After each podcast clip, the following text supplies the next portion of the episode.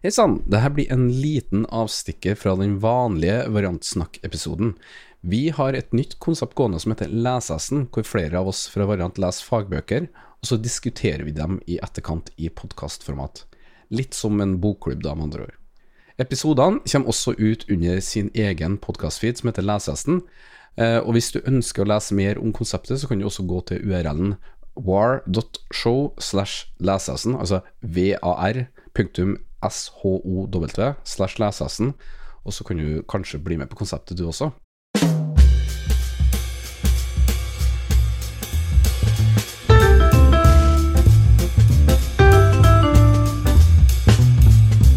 Velkommen til ny podkast i Lesehesten-triologien og kvadrologien sammen.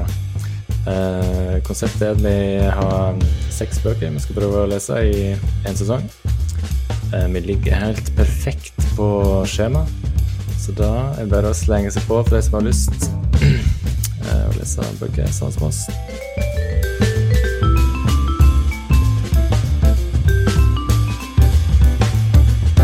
Vi har da lest hva Det vi skal snakke om nå, er Hva heter boka egentlig? Domain Modeling Made Functional heter boka. Uh, ja, det er en bok som prøver å forklare domenedreven design eh, gjennom eh, funksjonell programmering. Eh, da med språket F-sharp, da. Men først, hvordan har du hatt det i vår, sommer, høst, tidlig høst? Eh, Nikolai? Ja. Det er lenge siden sist, det var det du prøvde å poengtere Ja, der. liksom gå igjennom sesongen. Vi tø- tøva i stad med at eh, ja, i mellomtida har det blitt krig i Europa siden sist vi spilte inn. Nei, jeg hadde det bra. Eh, skal vi ha en sånn 'hvem som har lest boka'? Ja, det kan vi godt. Ja, for sist gang så var det jo for Jeg refererer jo til at det var ikke alle som hadde lest boka sist gang. Men uh, denne boka hadde jeg lest fra før. Men jeg, jeg klarte ikke å komme gjennom hele boka på nytt. Men jeg har lest den fra før, så jeg kan leve på det. Ja, jeg venter på å bli tagga inn så vi kan snakke, ja. Så nå kommer snart tagging alle sammen, så vi kan sette i gang praten. Enn du, Mikael, hvordan har du hatt det? Ja, tusen takk, eh, Nikolai. Uh, nei, Kristian og jeg. Hei, Kristian, forresten. Hei, hei. Men uh, satt bare og venta på Silja. Jeg var litt bekymra en stund for at Anders skulle ta hele alene. Før den tagga inn. Uh, men du refererte For vi snakka sist om at det var artig at en sånn wall of shame òg, da. Det vi ikke har lest. For da hadde jeg lest 20 av forrige bok. Uh, jeg har juksa den gangen her òg, si, for jeg har delvis lest den før. Og så har jeg lest mesteparten nå. Det er sånn ikke-svar politikersvers. Ja. Men, eh, det var jo rett og slett for god tid. Jeg trenger harde rammebetingelser for å prestere, Eh, og det var det ikke den gangen her. Men jeg, jeg kom gjennom boka.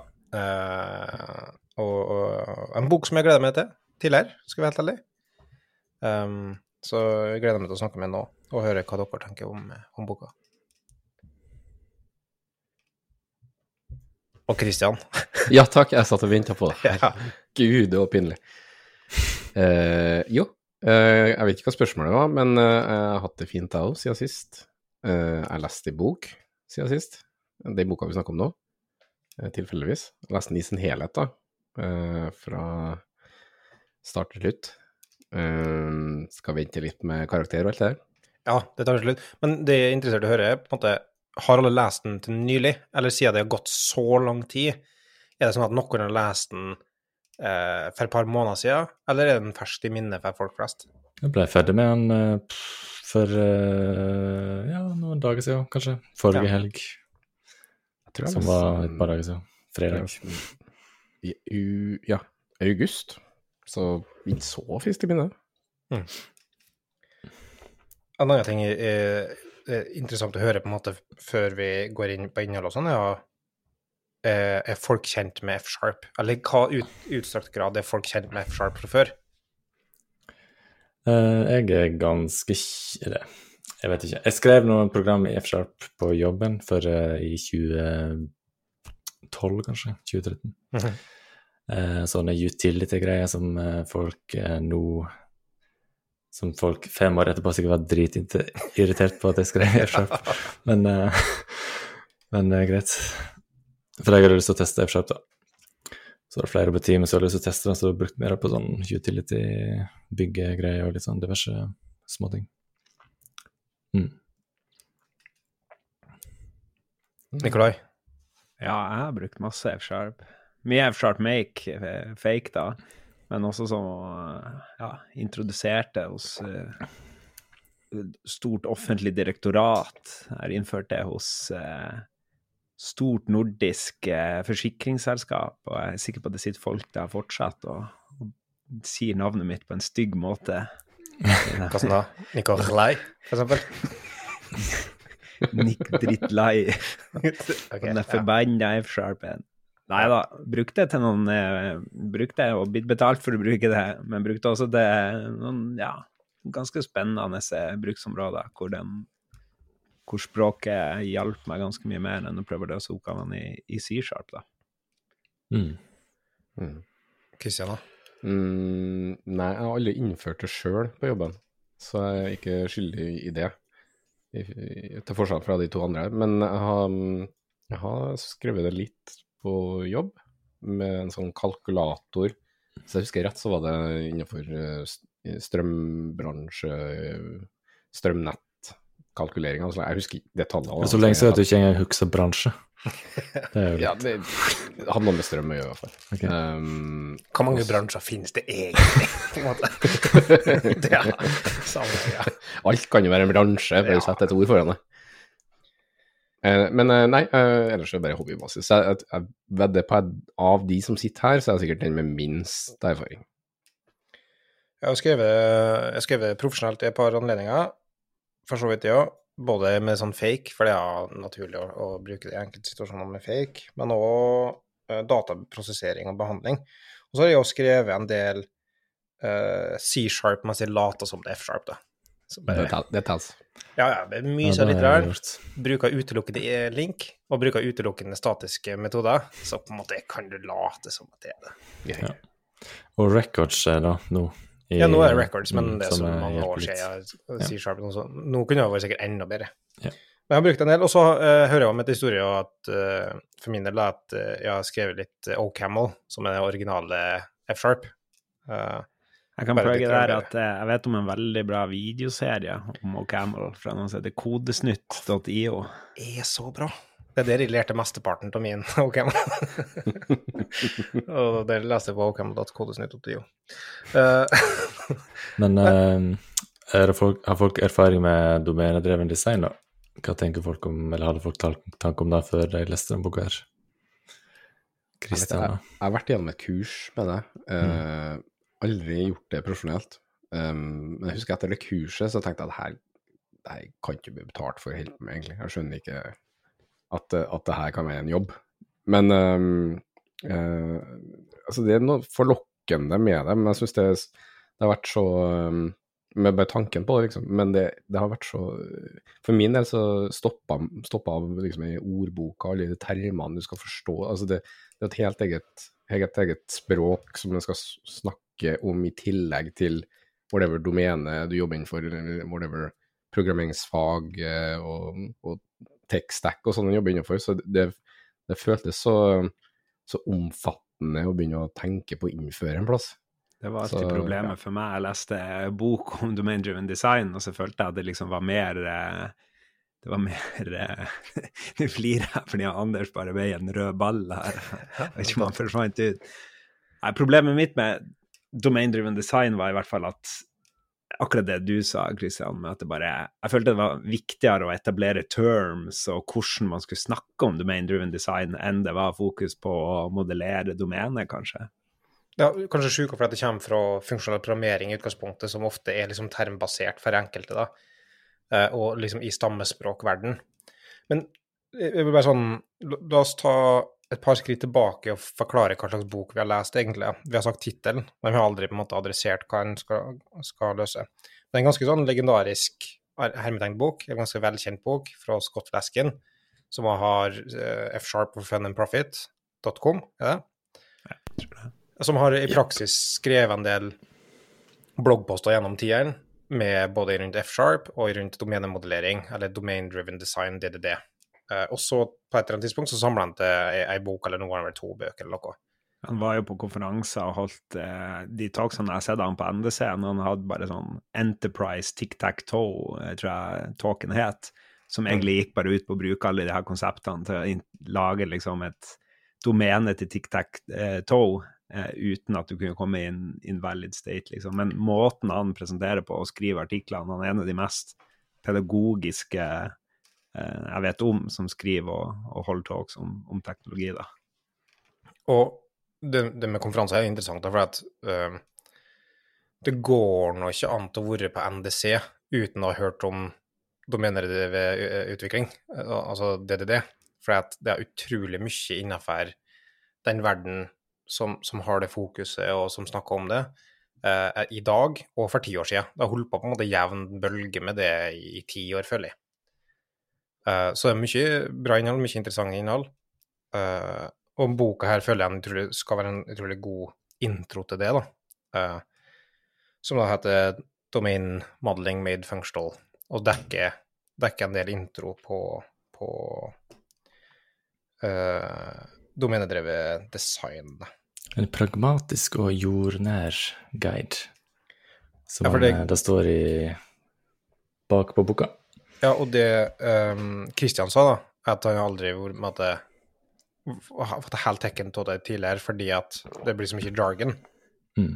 Det er ikke sant her. Altså, det er jo Det er jo en del jargon, da, altså det er jo ikke å komme unna, egentlig.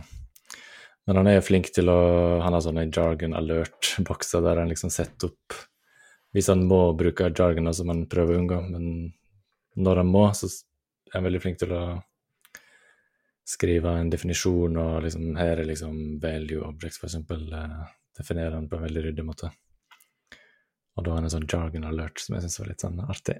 Mm. Artig måte å gjøre det på. Mm, jeg er helt enig. Um, og så innfører det gradvis også, på et sånt vis at det blir ikke den overveldende Nå er du her for å lære det, det, det, det, altså. Det ikke mm. det en sitter igjen med følelsen av. Så det blir jo, det blir jo en ganske mild intro til det, som bare gradvis bygger og bygger på seg. Så jeg er jo enig i det Nikolai sa tidligere, at han, han viser jo hvor gode pedagogiske evner han har, sånn sett, han eh, Scott. Jeg syns nesten det er sånn at det er litt for mye noen gang.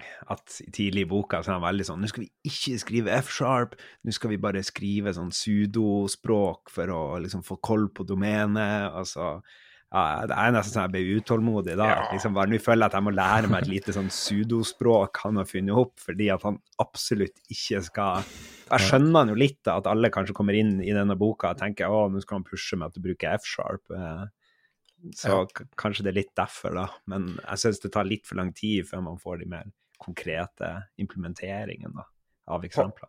På, på en måte så er den jo litt sånn stikk motsatte av f.eks. Little Schemer, da for der kritiserte dere og snakka om at det ble for liksom sånn uh, For mye at det skulle referere til folk og veldig sånn artig og liksom påtrengende, litt sånn ovenfra og ned. Mens her så er det, helt motsatt, da.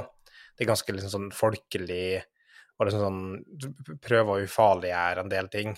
Uh, og så skal den lure det inn til F-sharp i stedet, for det er det som er egentlig resultatet. da. Så ja, her har vi laga et eget syntaks, egen bare sånn pseudosyntaks, eh, det er bare et språk, som du sier, som, som bare Det kan være naturlig lest. Og så bare sånn smygende inn til Å nei, se her, det er faktisk domenemodellering fra F-sharp. altså, hvis du bare legger på litt syntaks, så er det der. Uh, og det er åpenbart en agenda som skal vise til at oi, se hvor enkelt å lese domenemodeller i F-sharp. Sånn at det kan nå ha en motsatt virkning der på et vis med uh, på, et, på, et, vis òg, der at det virker liksom så utspekulert at det virker nesten litt for flåst igjen, da. Kanskje? Ja, jeg, jeg tenkte litt uh, undervis, for det, han sa jo det Jeg syns han sa det ganske eksplisitt, egentlig, at uh, det, her, det, her, er for å vise hvor bra F-sharp er for å kunne på en måte bruke det som en sånn Ikke bare et programmeringsspråk, men som en modelleringsspråk for domenet. Og eh, han påstår også jeg, litt, jeg, jeg, vet ikke om jeg er helt solgt på det, men han påstår også at det her skal være så enkelt å forstå at til og med ikke-tekniske eller og så rett og slett de som sitter med domenekunnskapen, skal kunne lese typedefinisjonene eller modelleringa som er gjort av domenet her, og for, liksom være enige om den kontrakten på hvordan domenet skal se ut. Og det syns jeg egentlig er ganske eks eksplisitt på at her er F-sharp perfekt. Jeg tror de til og skriver en plass i boka at det her kunne alle gjort i C-sharp eller Java. liksom Det er så, eh, så eksplisitt. Men det er jo bestandig målet for domenet eh, i folk, og behavior-driven og domain-driven, liksom. Det er bestandig tanken om at, nei, men det her er så eh, deklarativt, at det her er så eh, eh, Det her er på en måte så naturlig at det her skal du kunne sette ned i lag med produkteieren din og skrive tester på, eller det her skal du sette ned også i lag med en domeneekspert og skjønne Gherkin er likeens, F-sharp er likeens, på en måte alle som er DDD og BDD-folk. Det er det ultimate målet. Så, sånn at og jeg, jeg, jeg ser da fordelen av det, da. Uh, men for min del så er boka ganske delt i to. Det er litt sånn som Million Dollar Baby, hvis noen har sett den filmen. Som er at det er to filmer slengt igjen. Uh, uh, og alt i, i midten av boka så er det, er det noe som knekker nakken, skal jeg si. Jeg syns du, syns du denne boka den er like trist som filmen? Du må ikke spoile nå, jeg har ikke sett den. den er fra sånn 2008 eller noe. Ja, men den, er, så må like, den er spoilerfri, eller Ja. den er lov til å spoile nå. Det er liksom Ja, Ja. tida har gått ut. Ja, ok, greit. Men. Liksom. men det, boka her er i starten tar for seg domenemodellering. Tar for seg et par interessante ting. Det starta liksom ganske bra allerede sånn på første linje, som vi har highlighta her, for nå har jeg bytta ut til å gå på digitalt via Kindle, sånn at jeg kan highlighte ting.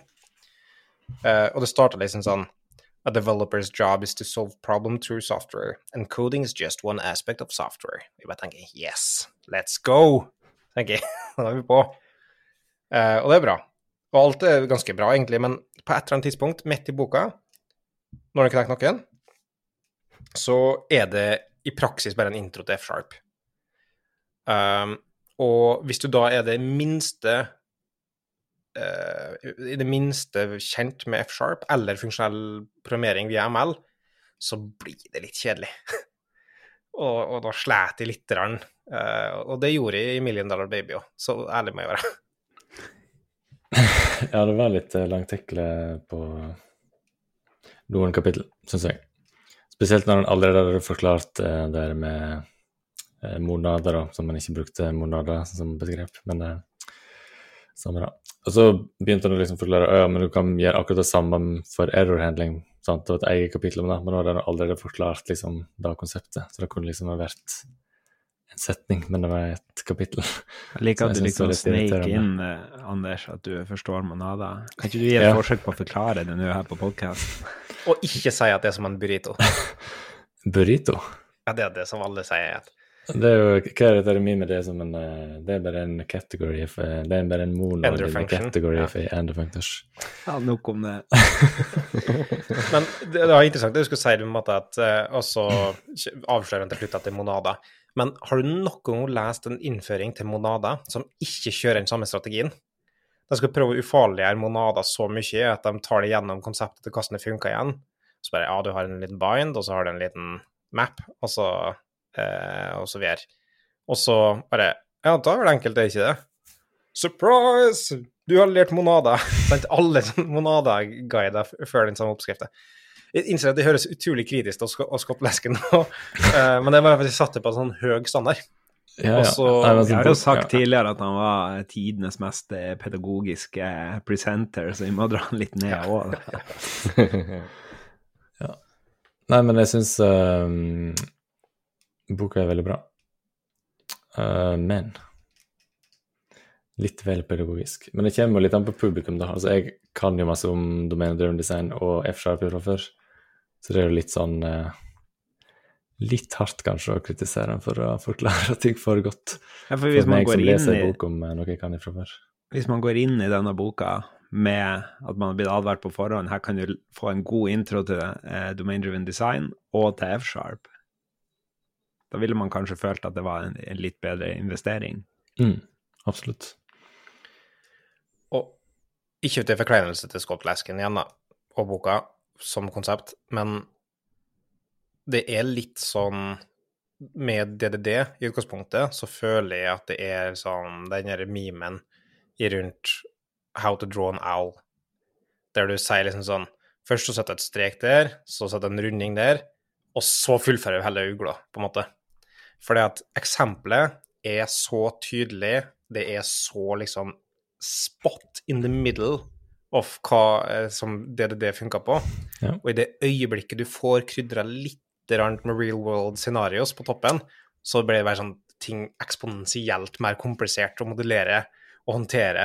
Eh, og, og du skal liksom ikke langt utafor før du Det blir faktisk vanskelig Mye vanskeligere enn det boka lar deg tro at det er, da, i, i min mening. Men det er jo veldig mange gode eksempler på hvorfor Jeg tenker bare sånn enkle ting som eh, algebraic eh, data types, da, som jeg savner hele tida nå, at jeg gikk faktisk fra, fra TypeScript til, til C-sharp, da.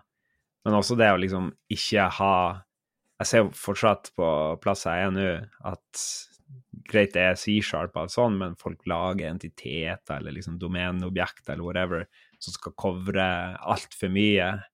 Ikke sant? Jeg tror mange kunne lest denne type bok og vært ganske erfarne utviklere og kanskje fått en liten sånn aha, jeg burde Mm. stykke ting litt opp. Eh, alt er ikke det samme i alle kontekster. Eh, men også det å få en litt sånn aha rundt å faktisk bygge opp domenet av forskjellige typer, i stedet for å ha én stor type som skal dekke alt, på en måte.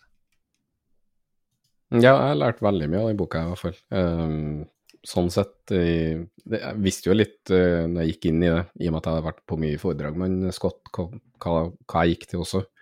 Uh, og jeg er jo enig i den kritikken av at um, det er to bøker igjen, og F-sharp-biten, basics-biten, er, er kanskje ikke like interessant for alle. Men den, eh, den første, jeg tror den første 150 sidene, der jeg bare driver med modellering, det er supernyttig å tenke rundt det sånn, men um, jeg kjente også, husker jeg, rundt den, det kapitlet der, så, så, så tenkte jeg meg selv, men ok, du har skrevet massevis av det, type definisjoner og, og støbbe ting hele tida, liksom, og så ja, det her kommer vi tilbake til. Eh, kontinuerlig som gjorde det litt vanskelig å følge med, men også var litt sånn at det føltes ikke som eh, det var at koden gjorde noe. Den gjør jo ikke det, for var, det var bare en type definisjoner. Um, men uh, jeg husker på det jeg tenkte i avslutninga av det kapittelet, jeg tror det var kapittel seks eller noe sånt, så hadde han skrevet noe sånt som at uh, ja, jeg vet jo at det her, koden her ikke gjør noe, og ro ned, det er bare jeg som prøver å lære deg noe, liksom, du må bare, bare følge med, så blir det, blir, det, blir det mer iterativt og mer sånn uh, prototypeaktig enn det nå. Så, Du hadde foretrukket det bare sto i høyremargen, liksom. Yes. No. Ye- Yes, no. Nei, men altså, det blir sånn self-referential. Jeg tror han vet hva han gjør, det er egentlig det som er poenget mitt. I og med at han påpeker det idet jeg tenker det, og da Jeg vet ikke. Da syns ikke jeg det er for seint. Da blir jeg, da blir ikke jeg sur for at boka går den retningen den gjør. Mm. Jeg tror kanskje at uh, oss som er forberedt på å spille inn podkaster om boka, mens vi sitter og leser den, i hvert fall jeg hadde litt sånn eh, Ja, det der må jeg huske- på, det der var litt sånn halvveis upedagogisk, så blir det litt sånn eh, vanskelig å trekke ting ut av boka sånn i tillegg, da. For da blir det litt sånn Jeg vet ikke. Litt rar i hodet. I hva stor grad skal vi dekke innholdet sånn, Skal vi si noe ord om hva domenedrevet design er, eller? Er det interessant? Her er en god bok du kan lese om du vil finne ut. Nei, men, kan litt av formålet er jo at folk er interessert i å lese boka òg, da. Så Ja. hvis det blir kanskje for mye metaprat uten at vi har dekket hva den handler om. Ja, kan være enig i det. Ja, da hører jeg at uh, er noen som har mye erfaring med domenedrevet design. Det er du, Anders. Så det var perfekt uh, dekke, det. Nei, jeg eh, Nei, jeg vet ikke. Altså mm, Ja. Altså, det jeg hadde som forventning til boka før Jeg har prøvd å lære meg eh, DDD ganske lenge. Tatt som plural sett kurs, Men det, har alltid liksom resultert at eh, jeg har tenkt pff, det her er noe tull. Med masse sånne jargon-begrep som er helt meningsløse. Um, men denne boka her prøver å være en pragmatisk og jordnær guide, som det står, som jeg sier. Og da føler jeg egentlig at den er òg. Jeg føler nå at jeg liksom har liksom et innblikk i hva det, det, det kan være, og hva det kan brukes til, da. Uh, og hva som liksom er de gode tingene i domain-dreven design. Uh, ja. Så må jeg jo si at eh, jeg føler jo boka får til veldig bra det den prøver, fordi den tar jo et domene som er, som Kristian var inne på, det er jo verdens enkleste domene med sånn eh, ordresystem, da. Men den tar jo fortsatt og viser, liksom, ja, med å bruke et språk som F-sharp, hvordan kan vi bygge dette domenet på en måte der du ikke kan i kode sette det i en invalid eh, state, da. Og som jeg var inne på tidligere, det tror jeg veldig mange har mye nytte av å lære og forstå hvorfor man ønsker å gjøre det, eh, nettopp for å, å unngå at, at, det blir bugs i koden vår, i, i domenekoden som skal ha styr på ting, at vi ikke kan gjøre ting som er invalid, da, eh, som ikke er tillatt, eh, eller som ikke er logisk da, for det domenet i den virkelige verden. Jeg er helt enig. Uh, og det er egentlig sånne ting som er likt med en skott Nå skal ikke jeg snakke om gull og grønne skoger om han hele tida, men jeg tror ikke Jeg tror DDD-en-biten av det er kanskje noe av det minst interessante sånn sett, fordi jeg syns det heller Altså det, altså det, som på en måte en, en arbeidsprosess og, sånt, og, og, og, en verktøykasse å innføre en plass, det syns jeg er mindre interessant. Jeg syns det som er interessant med det, det, og på en måte det han snakker om i boka også, er på en måte de små delene som du kan trekke ut av det. F.eks. Eh, bare det med viktigheten av en delt modell med domeneekspertene, viktigheten av eh, delt språk, som i ubiquitous language, eller, eller hva det heter, og eh, eh på en måte måter som du blir pusha mot å bygge system, bygge det eventdrevet, bygge det med eventual consistency, Um, og eh, prøve å dele opp eh, altså Ja, si du har et stort domene, men likevel prøve å dele opp i bounded context, da, som det kalles, for å skille forskjellige distinkte deler av et domene fra hverandre, og på en måte la de um, uh, utvikle seg uh, i isolasjon fra hverandre, for vi vet ikke på forhånd liksom hva den faktiske endelige formen av din verden Altså, det er mange sånne ting her som du kan trekke ut av det, som du på en måte kan innføre i, eh, i vanlige, vanlige prosjekt uten å si at ja, vi driver med det, det, det. Jeg tenker òg det, ikke sant. Bare de små tingene som at en, en, bruker er ikke det samme når du skal Eller en, en, person i systemet ditt er ikke det samme når du skal fakturere som når du skal logge noen inn, da. Og da blir det rart å ha det som eh, samme modell. Og senest i dag var jeg i et møte hvor Eh, vi snakka om eh, hardware ID, installation ID og panel ID. Og så viste det seg at vi alle snakka om samme ting, men hadde tre navn, da, avhengig av hvem du spurte. Bare den det er så bra å ha liksom, nylig lest denne boka, sånn at man kan få en sånn liten reminder om at faen, vi må bare Oi, unnskyld språket. Vi må bare lande på, eh, på, at vi kaller det her samme ting, da. Og Det er sånne små reminders man får gjennom hele denne første delen av denne boka, da, før før man brekker nakken, som du sier, Mikael. Men ja, og den første boka, eller første del til boka, som er, i hvert fall for min del, er den som gir deg et par sånne ankerpunkt til å tenke. Eh, hvordan du modellerer ting. Det gir en del sånn eh, eh, Sett en del ting som vi vet er gode praksiser, eh, implisitt, gjør det eksplisitt, og gir det en, en, ramme, og gir det en struktur. F.eks. bounded context eller adaption layers og, og sånne ting. Det, det, det er mange forskjellige som ser på det på forskjellige måter, men det å se det i sammenheng med f.eks. arkitektur, som man gjør, kan se i sammenheng med microservicer, f.eks., kan diskutere litt rundt det, um, er interessant. Um, og um, og og liksom, det I bounded context har det på en måte blitt en sånn running joke blant mange av oss, føler siden vi har lest det, for det har blitt på en måte referert til hele tida. For det kommer bestandig inn som en viktig ting som vi må tenke på, men som aldri egentlig blir bra nok, da. Men som kanskje det å gi det et strukturert tankesett gjør at vi, eh, etter å ha lest det, tar litt bedre grep om det. I hvert fall så har jeg tatt meg sjøl i å tenke mer tydelig på det, sjøl om jeg visste òg ganske godt tidligere, så har det på en måte bare forsterka den effekten med meg. Uh, og, og, så har du òg sånne sitat som, som vi har hørt tidligere inni her, som er, som er gode um, rundt uh, det med bounded context òg, når vi er inne på det, som at uh, hvis du ikke har gode nok bounded contexts, f.eks. så er konsekvensen at du har ikke mikroservicearkitektur, men du har en distribuert monolitt, som er en, en bra fuel til, til, diskusjoner på den, den verden som vi lever i i dag, da. Ja, det var det jeg skulle si.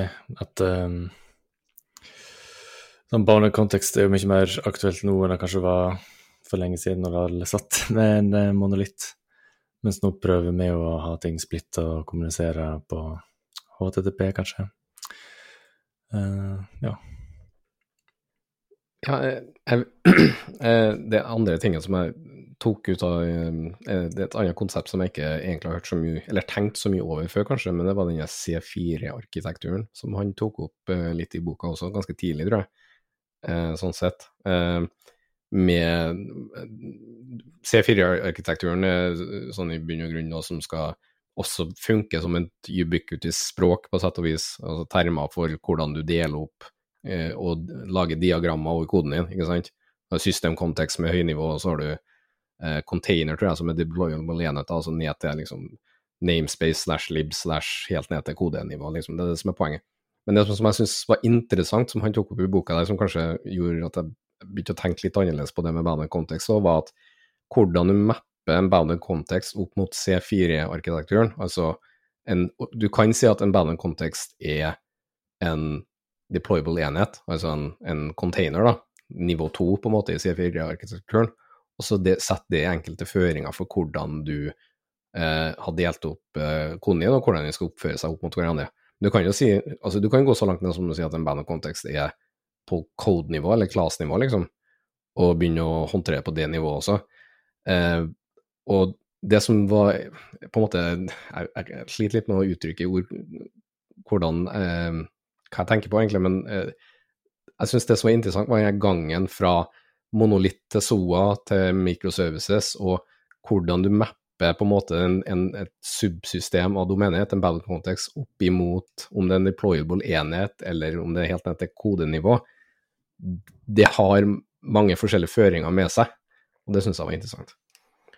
Kjempeinteressant, eller syns jeg. Ja. Uh, også en annen ting som, som snakka om, som var liksom rundt at uh, um, som, som, har vært den som, tingen som jeg har mest tenkt på, egentlig av en eller annen grunn, er heller den derre uh, eventstorming-sesjonen. rundt altså i praksisen å sette seg ned i lag med domeneeksperter i lag og mappe opp en hel flyt av hvordan ting og modeller uh, hvordan eventer skjer, og hvordan domener er, hva det kalles. Det er en sånn Men jeg tror ikke Skal jeg være helt ærlig, så tror jeg det er en sånn utopisk tanke som er altfor omfattende til å faktisk gjennomføre i mange tilfeller. Men det kan gjøres i eh, i mindre og større grad, da, tror jeg. Det er at kanskje du kan ta noe av det som uttrekk av det, eller ta enkelte øvelser på det, på enkeltdeler, der det er ekstremt, ekstremt viktig at noe skal være domenegreier. Men det er i praksis sant, at du setter nedover. Og en annen ting som jeg har eh, tenkt mye på der, er at det er besnærende likt uh, blueprint, service blueprints i tjenestedesignverden der de går gjennom hele tjenestereisen til forskjellige og ser alle interaksjonspunkter de har gjennom det. Um, så en ting som jeg tenkte mye på og snakka med uh, tjenestedesignere om, eller sånn, uh, om vi kan ta en diskusjon på hvordan vi kan se på modellene her i helhet, der at um, Hvordan kan vi se på en DDD-approach i en service blueprint tjenestedesign-flyt? Der vi ser på hvordan vi mapper over fra eksisterende over til en ideell måte, og hvordan vi kan få med organisasjonen til og den overgangen eh, som en helhet i, i, i, i eh, Kall det kryssplattform, da, eller tverrfaglig heter det. ja. Det var også det mye jeg fikk en liten reminder på når jeg, jeg leste den delen. da. Jeg er enig i at liksom, akkurat sånn som han forklarer den, eh, det å settes ned med hele businessen og mappe ut eh, hele prosessen, er kanskje litt sånn utopisk, men det fikk meg til å tenke litt sånn at eh, i, hvis jeg får en event fra et annet system, og så skal vi ta over og reagere på det, eh, så, det er greit å få den reminderen om å kanskje bare ta et steg tilbake og se en litt større helhet av ting. Businessprosesser og ja. Jeg tror ofte man trenger litt noen reminder eh, av og til på å, å trekke seg ut av koden litt og, og begynne å tenke på, på flyt igjen. og Kanskje eh, på ut og inn av de boundariesene du har for det du jobber med, men prøve å forstå eh, hva er det man faktisk prøver å få til i det faktiske domenet. Og domenet er jo ikke kode vanligvis, det er jo businessen. Så vi prøver bare å modellere domenet. Men det å ta et steg opp og se businessprosessene og forstå domenet på, på et høyere nivå, man trenger den reminderen av og til. Og Derfor jeg synes det er så interessant å se på det parallelt og, og uh, intertwined med uh, designløpet. da. For at sånn som det er så mange ganger, så ligger designbransjen ti år etter utviklingsbransjen innenfor softwareutvikling. De kommer med sine terminologier på hvilken metode kan være. Ting som vi har gjort som utviklere tidligere, og så kjenner vi på neste iterasjon. Brannfakler, bare for å poengtere. så kjenner med neste iterasjon på det, fra en annen tilnærming enn det som den tradisjonelle softwareindustrien har gjort. Ja, ja. Eh, de har kommet, og det er egentlig en slags forskningsbit, det da, for du kommer tilnærmet inn mot en slags tilsvarende løsning, bare med litt forskjellige ord, litt forskjellige artefakter inn i gjennomføringa av det, men som overlapper en del i hva du får ut av det. Men det som design ofte, og i hvert fall i moderne design, i, i prosessorientert design i dag, da, så er de mye flinkere til å knytte på sånn som strategi, og knytte på organisasjoner, der tradisjonelt sett kanskje vi, og da snakker jeg vi som, som utviklingsbransje, har sett på det fra en langt mer um, systematisk tilnærming, der vi skal kartlegge hva som det er. Og så kanskje er vi ikke gode nok på å knytte det opp mot det strategiske. Uh, så jeg vet ikke, jeg har ikke, jeg ikke utforska det ordentlig ennå, men jeg føler at hvis en prøv, prøver å finne de, knytningspunktene på, på tvers her, så kan det være et, et skritt videre til å oppnå noe med, med et verktøy som, som, som, kan være interessant. Da. Jeg merker jo at eh, vi kanskje alle har blitt litt inspirert, eller eh, fått liksom tankeprosessene litt i gang av første halvdel av boka, da. Sånn som vi nå kommer inn og prater om det, at det er en Selv om vi, vi kommer inn på at det, det, er ting vi har lest om, om, før, så tror jeg at det er en fin reminder å få alle disse små tingene rundt og ikke overkomplisere ting, ta et steg tilbake, se det store bildet. Og da er det sånn OK, eh, jeg tror ingen leser denne boka og er overbevist om at man skal begynne med DDD, men jeg tror det å liksom lese DDD Vi snakka litt om hvor noen bøker du leser om det, eller artikler eller whatever, så føles det som du må kjøpe det fullt og helt, eller drite i det. Men det er jo masse flotte ting og tanker å ta fra det, som, som man kan applye på en litt mer pragmatisk måte enn å kanskje ja, begynne å, å, kalle ting for banekontekst eh, i, i, koden sin, f.eks. Og ta det helt ut med å modellere systemet etter det, i stedet for å bare ta de gode prinsippene og, og være pragmatisk. Sånn, første delen kan man kjempemye tenke på det. Det på en måte får tankene til å spinne på mange forskjellige måter, eh, og på nye måter som jeg ikke har tenkt på før, som henger igjen eh, mye. Eh, og så tenker jeg jo at andre del, så er det jo da Er du ikke kjent med funksjonell tilnærming på ting, og hva det kan gjøre for modellering i, i typer, der du har union types eller ADT eller eh, GATT eller hva altså uh, tagged unions, whatever. Altså konstruksjon for å som, som, sammenstille typer og eh, se på hvordan du behandler i en deterministisk, deklarativ måte som i et funksjonelt programmeringsspråk, så kommer den andre halvdelen til å være en litt sånn wow, tror jeg, da. Hvis en ikke er kjent med funksjonell programmering i det hele tatt, eh, og ML-språk, så kommer andre andre òg til å være en eye-opener som, som, endrer måten du ser på software på for alltid.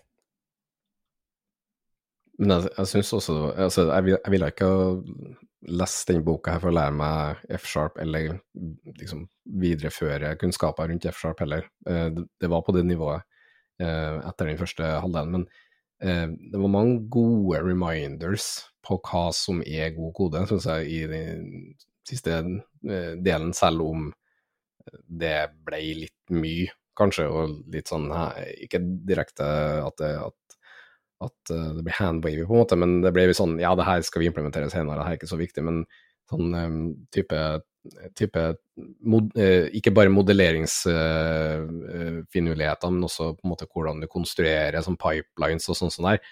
Veldig mye, jeg synes det var veldig mye bra der. Altså, han, han viser sine evner igjen, så jeg syns jeg har ikke lyst til å på en kaste siste halvdel under bussen, for at, jeg syns det var mange gode reminders der. Mm. Og så en, han bruker I tillegg til den pseudokoden, som jeg kanskje ikke var en så stor fan av, så er han veldig flink på figurer. Altså sånn veldig enkle For da Pipelines, for eksempel, å komme på Der er jo veldig mange gode figurer på hvordan Hvordan han Ja, hvordan en skal tenke da rundt pipelines og ja, transformasjoner og komposisjoner. Mm. Men et spørsmål til dere da, som har lest den litt mer nylig enn meg, i hvert fall andre halvdel. Jeg fikk lest halve, første halvdel nå på nytt, og, så jeg var jo litt gira og fikk mange gode reminders. Men jeg tenker jo ofte at det er veldig mange som sitter ute nå og skriver TypeScript hver dag som uh, sitt språk. Og jeg tenker jo egentlig Men det er jo vanskelig å si for meg, for jeg, jeg lærte meg egentlig F-sharp før jeg begynte å bruke TypeScript. Og jeg tok jo med meg veldig mange av de, de tanke, det tankegodset til når jeg skulle modellere ting i TypeScript. Så kan det være en bra bok å lese, spesielt hvis du kanskje sitter på en Node-backend, uh, for å bli bedre på å skrive TypeScript. Litt åpent spørsmål til dere, kanskje. Uh, ja, jeg tror uh, egentlig uansett språk, egentlig. Det er kanskje noen språk er det mye mer vanskelig å skrive. Det er jo mer sånn å skrive Altså at det skal være umulig å, å representere ting som ikke faktisk går an å finnes, da. Med tanke på sånn nullball, eksempel. Det er jo litt sånn pain in the ass i C-sharp, eksempel, men det er mulig å få det til på en bra måte. Og da blir det jo bedre og bedre. Så det er ikke noe sånn at det må være typeskrift, at det må liksom ha det perfekte typesystemet. Men det hjelper jo på, selvfølgelig.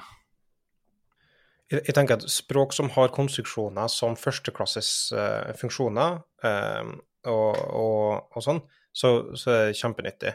Det problemet når du begynner å blande inn på en måte klassebasert arv og polymorfisk Altså altså arvbasert polymorfi istedenfor parametrisk polymorfi og komposisjoner osv., så, så, så blir det utrolig vanskelig å, å, ha en del av de store fordelene med modelleringa inni her. Uh, men type i TypeScript eller i, i språk som har litt mer sånn førsteklasses entiteter og høyreordensfunksjoner, så går det bra. Uh, du kommer utrolig langt med TypeScript, med tankesettet. De har en del konstruksjoner som språk med sterkere semantikk mangler, spesielt rundt liksom, curring by default og, og, og, og partial application og pattern matching da hadde du på en måte fått ordentlig god eh, domenemodellering. Men du kommer liksom 80, 85 dit med TypeScript, f.eks., tenker jeg. da. Og særlig hvis du følger en del veiledning, og du følger en, en del praksis og en del konvensjoner, og særlig rundt f.eks. dekoding eller mapping i, i en, enkelte dag, bygge opp arkitekturen din på enkelte måter, tenke moduler i stedet for å begynne å liksom loke med dependency injection i et system som ikke trenger det. og så videre så kommer du til å få mye av de fordelene av tankemønsteret som du har som er presentert i denne boka her, da. Mm. Jeg, har lyst til å bare gjessende det som er sagt. Uh, også, uh, jeg, tror også det er ganske nyttig, for det, er flere igjen flere påminnelser om ting for min del også, men bare altså det med f.eks. trust boundaries i forhold til hvordan en skal interagere med data. Uh, det var, syns jeg, et nyttig konsept å revisite, sånn sett. Snakker veldig mye om state machines og hvordan du skal håndtere ting der. Igjen supernyttig, tror jeg, for, egentlig for flere språk der, da, ikke bare for TypeScript og, og lignende. Så eh, ja, enda et konsept som jeg, han introduserte meg for første gang i en talk, tror jeg, med, med det han kaller en sånn simple type, eller en sånn eh, rapper type, men helt tatt bare det å type opp primitive verdier ved å rappe dem i sånne egne type Supernyttig konsept, ikke sant. Så det, det, det, er mange lærdommer man kan dra ut av eh, boka, men også, jeg tror også bare det å skrive F-sharp generelt. Jeg har lært veldig mye bare jeg har blitt flinkere i andre språk, føler jeg, ved å skrive Mm. F-sharp og for, for så vidt også skrive andre språk. Ja. Sånn I C-sharp eksempel, så er det mulig å Hvis du har en eh, user ID som bare er en string, så går det an å rappe den i en record og, og få det til å bli en faktisk type, da. Hvis en uh, vil, det. Og det er noe som ja, en skjønner poenget med, da, hvis en har lest den boka. Ja, Mm. Siste jeg vil si, vi har snakka altfor lenge nå, men det siste jeg vil si er at uh, en annen ting som er interessant, er at den dekker faktisk hvordan du får til en slags form for dependent type, eller med type med validering, som er bestandig en sånn begrensning du har i domenemodellering i språk som ikke støtter uh, dependent types. Uh, altså at For at age, det, det er ikke et tall. I de fleste språk så vil age kunne ha typer som et tall, men det er ikke gyldig, for minus 1 er ikke en, er ikke en gyldig age. I hvert fall ikke minus 3. Uh, med mindre du da Jeg orker ikke tankeeksperiment. men, men um, Og det å tilknytte en viss form for semantikk på det, for vi vet at alder typisk er hva er 122 år, som er eldste menneske som noen har levd, eller whatever. Uh, så det har en tilknytta ramme ved seg som er mer semantisk og det, domenet domene eh, modellerbart. Uh, og det og hvordan du får til det i konstruksjoner av språk som ikke har dependent types, eh, er bestandig en ting som på en måte har eh, kilt i hjernen min, som en faktisk dekker, da. Og det syns jeg var nyttig.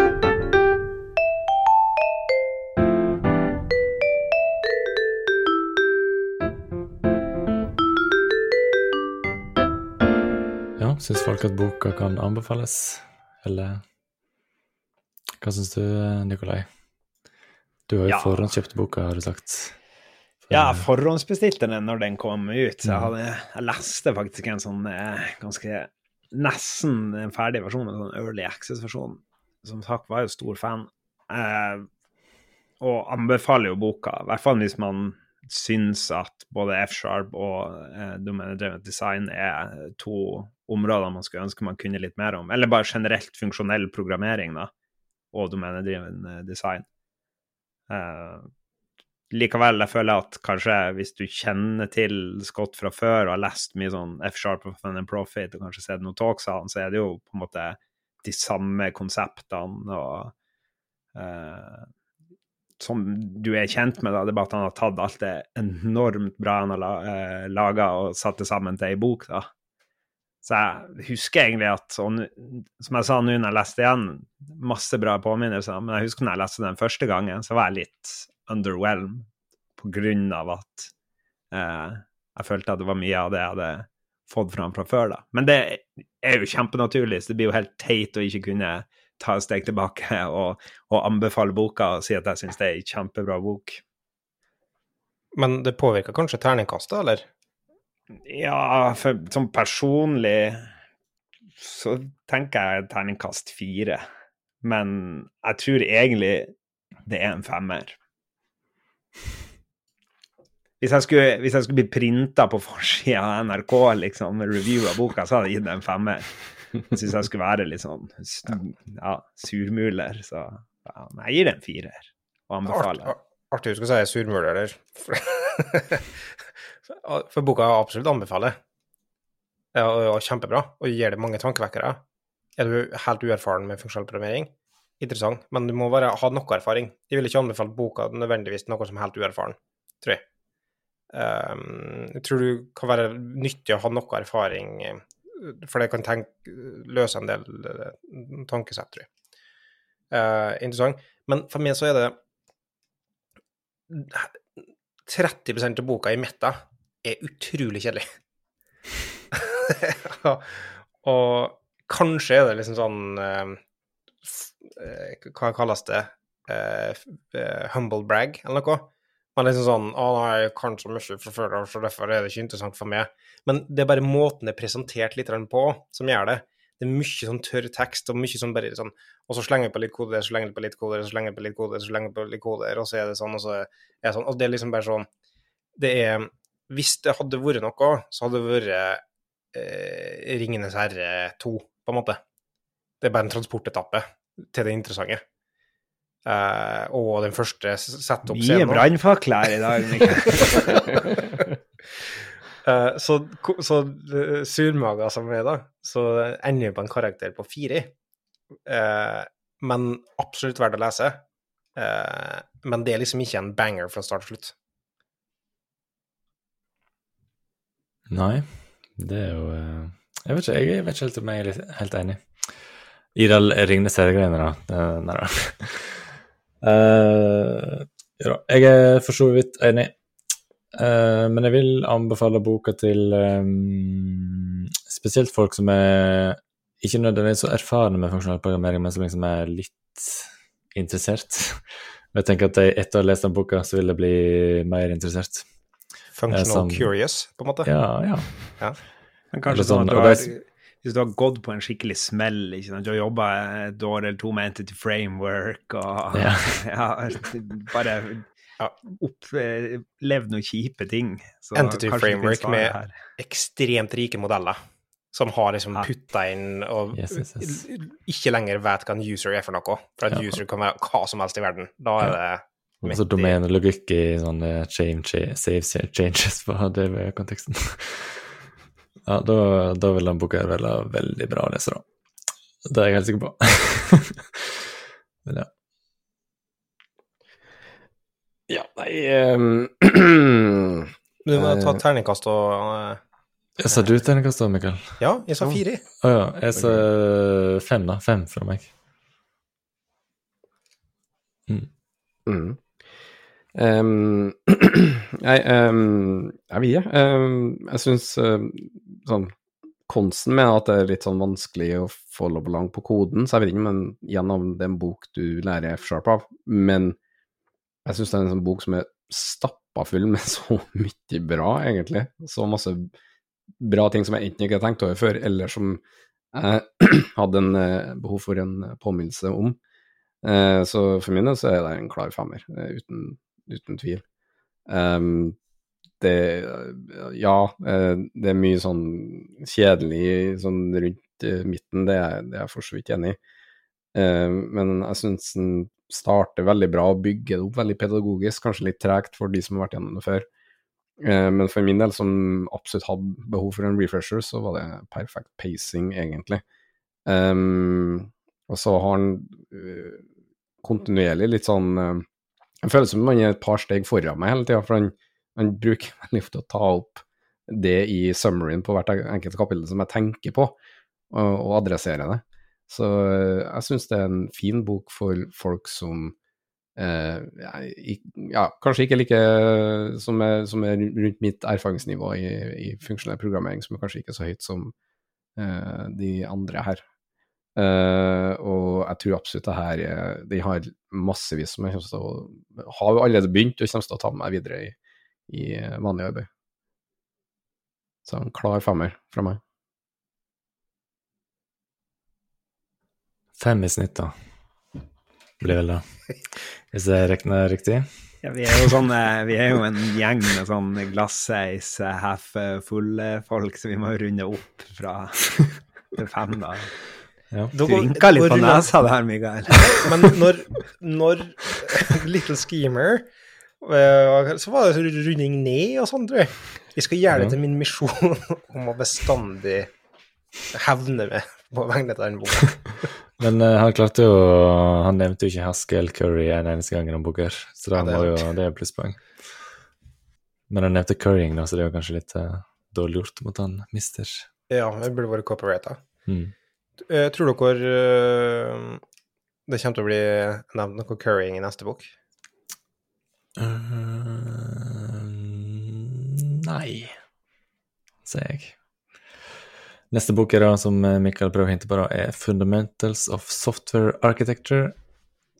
Uh, kort uh, det som står første to setninger om boka, da. 'Salary Service worldwide regularly Plays software architects in the top 10 best jobs'. Yet no real guide exists to help developers become architects until now. Det er altså det boka. Forventninger, folkens?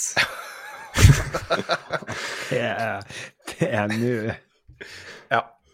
Eh, Det snakker for seg sjøl, kanskje. jeg tror det er, det er en bok aldri, jeg, har- jeg, har aldri hørt om. Jeg, har, eh, jeg er ikke sikker på hvorfor den er der. Om det var jeg som valgte den ut, eller om det var noe som anbefalte den. Jeg, jeg, jeg tror jeg fant en tråd på eh, anbefalinga eller noe. og inn et par sånne wildcards. Det er en stor wildcard for meg. For det første, tekster blir irritert over, på en måte. for, for det sånn Jeg er ikke så sikker på at vi burde ha, være, som det står vi er, da, aspiring architects, på en måte. Ja. Eh, men samtidig så betyr det at forventningene er lave. Eh, og jeg er helt sikker på egentlig at det er proppa full med gode praksiser inni her som du kan lære av. Uh, bare en ser forbi på en måte uh, noe av det, så tror jeg det kan være noe interessant. Mm. Potensialet for sesongens første terningkast seks. Nei, det vet vi alle kommer til flow architecture, som, Ja, ja, som kommer til her. Ja. Eh, nei, altså, mine forventninger til den boka er jo litt sånn Jeg har nettopp eh, prøvd å liksom tenke eh, Prøvd å skrive litt om eh, arkitekt som rolle, da, og tenkt at det er jo en tullerolle. og, og det kunne jeg er hos nå, de har gått bort ifra De har ingen arkitekter, som liksom blir poengtert når jeg kommer inn døra der. Vi har ingen arkitekter. Som jeg forstår at jeg er enig i den approachen, da. Så det er jo litt sånn rart å, lese ei bok Jeg har lest i boka, da. Og det er jo veldig sånn ja, arkitektens rolle og arkitekt eh, ditt og datt.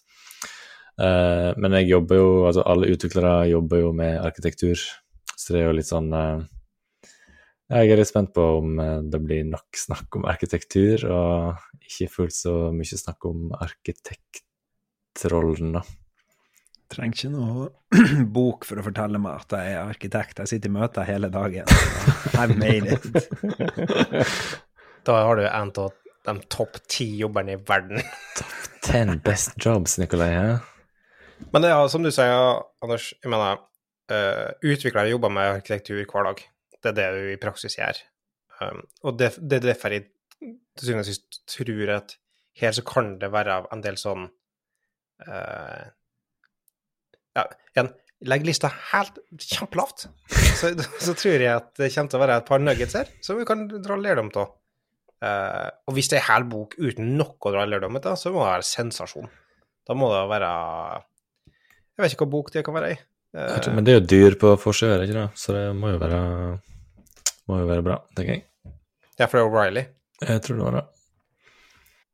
Den, er, den, er, den strekker ganske vidt, da, ser det ut som når en leser litt mer uh, summaryen på starten her. For at den tar for seg, ja, architecture patterns. Det er kanskje der den starter først, når en tenker på en arkitekt. Ja, det kan gjelde patterns, men den går jo helt ned til f.eks. til uh, soft skills, effe- effective team management, meetings, Mm. negotiation, presentation, uh, modernity, practice, engineering practices. Altså det, det, det, det blir jo kanskje litt bilde av at en arkitekt kan være så mangt. Uh, Kult at du har åpna den og begynt å se på. Her er spørsmål til Mikael. Har du begynt på neste bok?